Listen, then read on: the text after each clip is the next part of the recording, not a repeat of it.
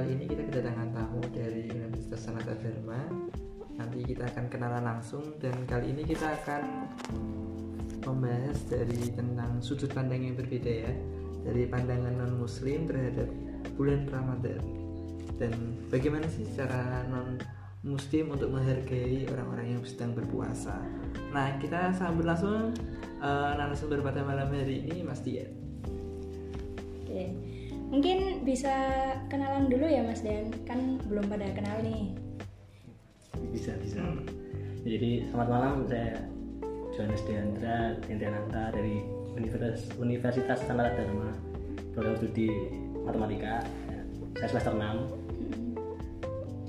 Tadi kan kita kan mau bahas dari sudut pandang non muslim terhadap uh, bulan Ramadan. Nah, kalau boleh tahu Mas Dian ini agamanya apa sih? Saya sendiri Katolik. Oke. Okay. Uh, eh, buat backgroundnya Mas Dian ada pengalaman-pengalaman uh, keagamaan atau enggak organisasi agama gitu enggak? Nah, betul karena saya dari TK sampai SMA itu kan kebetulan sekolah saya Katolik jadi kayak untuk kegiatan organisasi yang ram Ramadan keagamaan kan pasti jelas bahwa itu cuman kita mayoritas jadi tidak ada tapi saya juga ikut di gereja-gereja juga aktif. Kemudian saya pernah SMA di salah satu SMA yang khusus sebagai tempat pendidikan calon pastor. Selama tiga tahun. Itu seminari ya mas? Iya seminari. Bisa disebut seminari. Ya itu bisa diceritain sedikit mungkin. Oh, mungkin teman-teman yang umum ini nggak tahu apa itu seminari. Oh, iya. mungkin orang uh, yang di Katolik mungkin sudah paham tapi yang teman-teman yang lain nih belum paham karena kan mendengarnya bukan hanya teman-teman yang Katolik tapi ya asing gitu ya.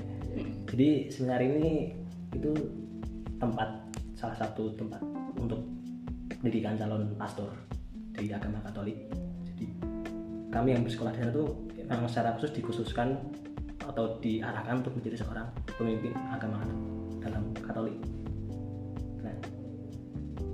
jadi di sini mereka tuh istilahnya kok di dalam agama Islam kayak pesantren. Yeah. Nah, jadi kami mendalami lebih banget mendalami tentang keagamaan.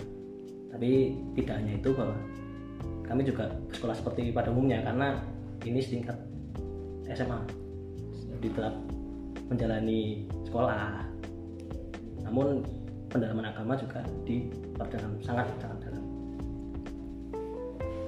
Oke, mungkin perkenalannya sama biografinya cukup dulu ya. Nanti iya, kita mungkin lanjut. iya. Nah, kita kan lagi mau membahas tentang Ramadan nih. Mungkin buat teman-teman yang uh, beragama muslim itu udah uh, dinanti-nanti banget kan tiap tahun. Nah, kalau misalnya pandangan non muslim sendiri, kan kita uh, yang non muslim kan nggak ngerayain nih pandangannya tuh kayak gimana sih kalau misalnya dengar kata Ramadan?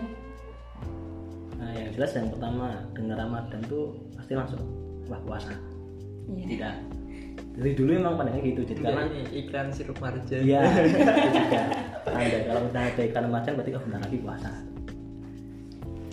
Juga sebenarnya kalau apa ya kayak memandang Ramadan karena meskipun saya Katolik dan pernah bersekolah sebagai calon pastor tapi saya hidup di lingkungan yang semuanya muslim jadi buat saya ya udah seperti udah kayak hampir sama dengan yang lain.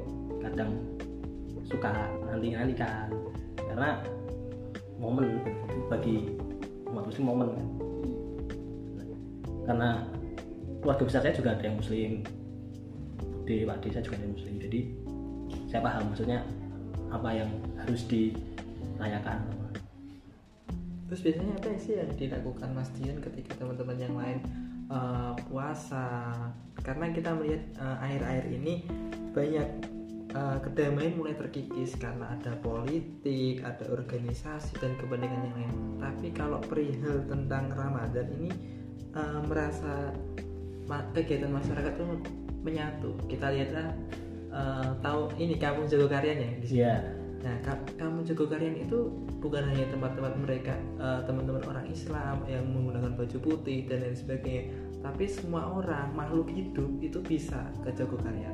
Nah, eh, bagaimana sih eh, apa yang dilakukan Mas Dian dan teman-teman yang lainnya ketika mendengar Ramadan? Apakah ikut ke Jogokarian meramaikan atau ikut kalau makan ngumpet-ngumpet? Nah, mungkin gimana?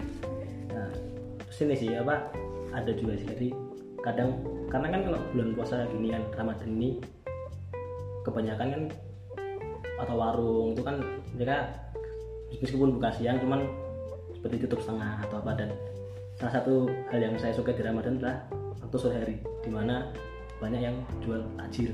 Nah itu meskipun saya nggak pernah ngekos nggak pernah apa saya merasakan enak gitu. Karena itu mungkin salah satu bagi saya keuntungan bagi saya.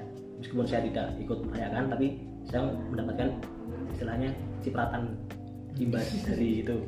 Karena biasanya jam-jam sore kan terus mungkin saya melihat dari sisi pandang teman-teman saya yang ngekos juga atau mungkin di bulan-bulan seperti mereka lebih mudah untuk oh masih ada yang takjil jadi mereka untuk makan pun santai. Nah dan khusus untuk yang kayak kampung Ramadan itu justru saya tuh suka sih sebenarnya beberapa kali teman saya juga pernah ngajakin dulu waktu sebelum corona ini juga banyak. Ayo istilahnya kita ikut kayak saya ikut takjil seperti itu. Dan istilah dan itu masih jadi kayak semacam wisata kuliner sebenarnya. Secara tidak langsung ya. Iya, seharusnya. iya. Tapi khusus bulan Ramadan gitu. iya. Wisata kuliner yang istilahnya setahun sekali Iya. Kan juga eh, pernah nggak sih mas merasa didiskriminasi tentang kegiatan bulan Ramadan? Misal nih ada pembagian takjil gratis, terus eh, mas menggunakan kalung salib itu, terus gak dikasih, yang dikasih yang puasa aja, Mer- merasa itu atau eh, hal lain yang merasa diskriminasi teman-teman nonis pada saat bulan Ramadan. Karena kan kita tahu bahwa di Indonesia ini sangat mayoritas Iya. umat Muslim. Eh, sejauh ini saya belum pernah apa istilahnya saya belum pernah ngalami langsung sih. Bahkan melihat pun saya juga cuma jarang. Kebanyakan kan saya cuma tahu dari berita-berita lah apa apa untuk mengalami langsung saya jarang. Bahkan beberapa kali saya juga sempat dulu suatu sore saya mau pergi main atau ke mana ada yang membagikan takjil gratis itu saya itu juga dapat. Hmm. jadi ya dapat ya. Iya, jadi kayak istilahnya mungkin mereka tidak memandang dari benar-benar secara detail ya orang orang ini muslim atau bukan karena mereka saya penglihatan saya mereka langsung Memberi. kasih kasih kasih kasih gitu tidak meskipun dia Islam atau tidak yang penting dia karena mungkin mereka tujuannya ya berbagi dengan tidak terus bagi mau bagi tapi tanya dulu masnya muslim apa enggak Iya. karena saya ini saya belum pernah lihat seperti itu Iya. Karena juga pernah eh, ini eh, menjadi kadang bercandaan ya. Mas. Kamu mau makan gak? Itu pakai kalung salib dulu supaya nggak di- supaya boleh ke warung makan nah, kayak gitu. iya iya iya Terus oh ya mas pernah ini nggak tahu informasi tentang Pemda di Banten ya? Iya di Banten. Itu gimana sih coba Maria bisa menjelaskan? Ya jadi kan kemarin eh, sempat ada rame nih eh, Pemda Banten itu membuat larangan untuk warung makan buka di jam-jam siang hari. Nah bahkan kemarin juga ada yang ini kan kena razia itu bahkan bisa sampai denda 50 juta. Nah kalau misalnya pandangan dari Mas Dian sendiri itu gimana? Hmm, kalau saya sebenarnya karena saya pernah ini juga jadi di waktu saya di Sinari itu saya pernah belajar tentang dialog Katolik dan Islam. Tahu bahwa rukun Islam itu juga tahu karena puasa kan ini termasuk rukun Islam yang ketiga kalau tidak salah. Coba bisa disebutin tuh Mas. Yang pertama kan kalau di itu yang pertama itu syahadat, Iya. kemudian sholat, puasa, zakat yang terakhir haji. Ya. Nah, Mantap mantap. saya juga pernah belajar itu jadi kalau di sini sendiri untuk yang masalah penutupan warung makan itu sebenarnya mungkin kalau dari sisi warga mayoritas di sana memang muslim semua mungkin itu benar. Tapi saya lagi kan karena di Indonesia ini kan kita bineka tunggal ika. Jadi memang mayoritas di sini kita agama Islam. Cuma kan pastilah ada satu dua tetangga kita yang non is jadi kalau untuk satu daerah itu mayoritas bukan mayoritas semua adalah muslim. Mereka menutup itu silahkan. Buat saya tidak masalah. Cuma kan yang di Banten ini kasusnya mereka tidak semuanya tetap umatnya kan heterogen gitu ya iya dan juga heterogen itu apa sih? Nah kan nggak semua orang tahu nih heterogen. Oh, iya. Kalau heterogen itu kan berarti kan eh, dalam suatu komunitas nih nggak semua tuh sama gitu jadi kan beragam isinya komunitasnya jadi kalau misalnya kita ngomongin tentang eh, agama di Banten ini khususnya eh, jadi heterogennya yang dimaksud itu di daerah Banten itu nggak semuanya eh, beragama Muslim juga ada yang non Muslim lainnya kayak gitu. Mungkin kalau misalnya dari sudut pandangnya Senrama gimana tentang Perda Banten ini? Dan pastinya itu menutup rezeki sih. Ya. Ya, Kalau siang itu menutup rezeki, kalau Jam 9 tutup. Iya, benar. Berarti berapa jam sih dia buka, ya kan? iya, Nah, eh, itu sebenarnya juga dikaji lebih lanjut. Beda dengan Aceh. Aceh itu merupakan ada julukannya Serambi Mekah. iya. Dan dulu waktu zamannya eh, Nabi Muhammad kalau saya itu ada yang namanya Piagam Madinah. Nah, Piagam Madinah itu eh, kita mengumpulkan semuanya untuk menetapkan eh, tidak ada yang dirugikan di situ. Nah, eh, apakah Pemda Bandung juga melakukan itu kan? Saya juga kurang tahu nih. Mm-mm. Mungkin eh, kalau ada teman-teman orang yang dari Banten, nah itu tahu tentang hal itu. Iya. Seperti itu. Misalnya dari sudut pandang kita, kita secara kesimpulan ini bisa disimpulin kalau misalnya sebenarnya agak kurang efektif sebenarnya ya. Gak kerasa nih kita ngobrol udah hampir setengah jam. Mungkin kita bisa sambung next time dengan pembahasan yang lain tentang pandangan-pandangan dari karena eh, kita nggak pernah tahu kayak melihat dari sudut pandang yang lain Iya. itu seperti apa. Mungkin itu saja Iya. Mungkin Mas Dan ada closing statement atau ada yang ingin terakhir ingin disampaikan. Mungkin pesan buat teman-teman kita yang lagi puasa.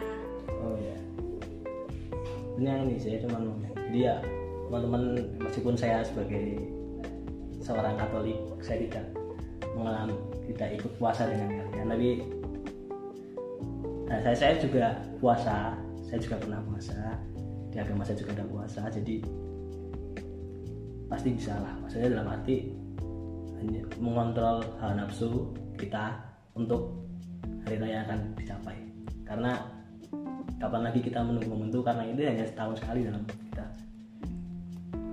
ya kita menyambut hari raya kita dengan yang baru karena seperti itu biar kita bersih lagi kita lahir kembali Ya. Mungkin dari Senrama juga ada kata-kata untuk teman kita yang puasa. Oke baik terima kasih atas waktunya. Kalau untuk dari saya eh, semangat untuk puasa pada Ramadan kali ini walaupun ma- pa- masih pandemi karena mungkin cobaannya bukan hanya makan, kadang juga ada emosional, kadang juga emosional ini yang lebih susah daripada raga. lapar lapar atau. Itu saja. Ya, jadi buat teman-teman yang lagi puasa, semangat puasanya, jangan sampai bolong 30 harinya. Eh, jangan lupa juga jaga nafsu dalam berbagai hal. Kita ketemu lagi di episode selanjutnya. Terima kasih.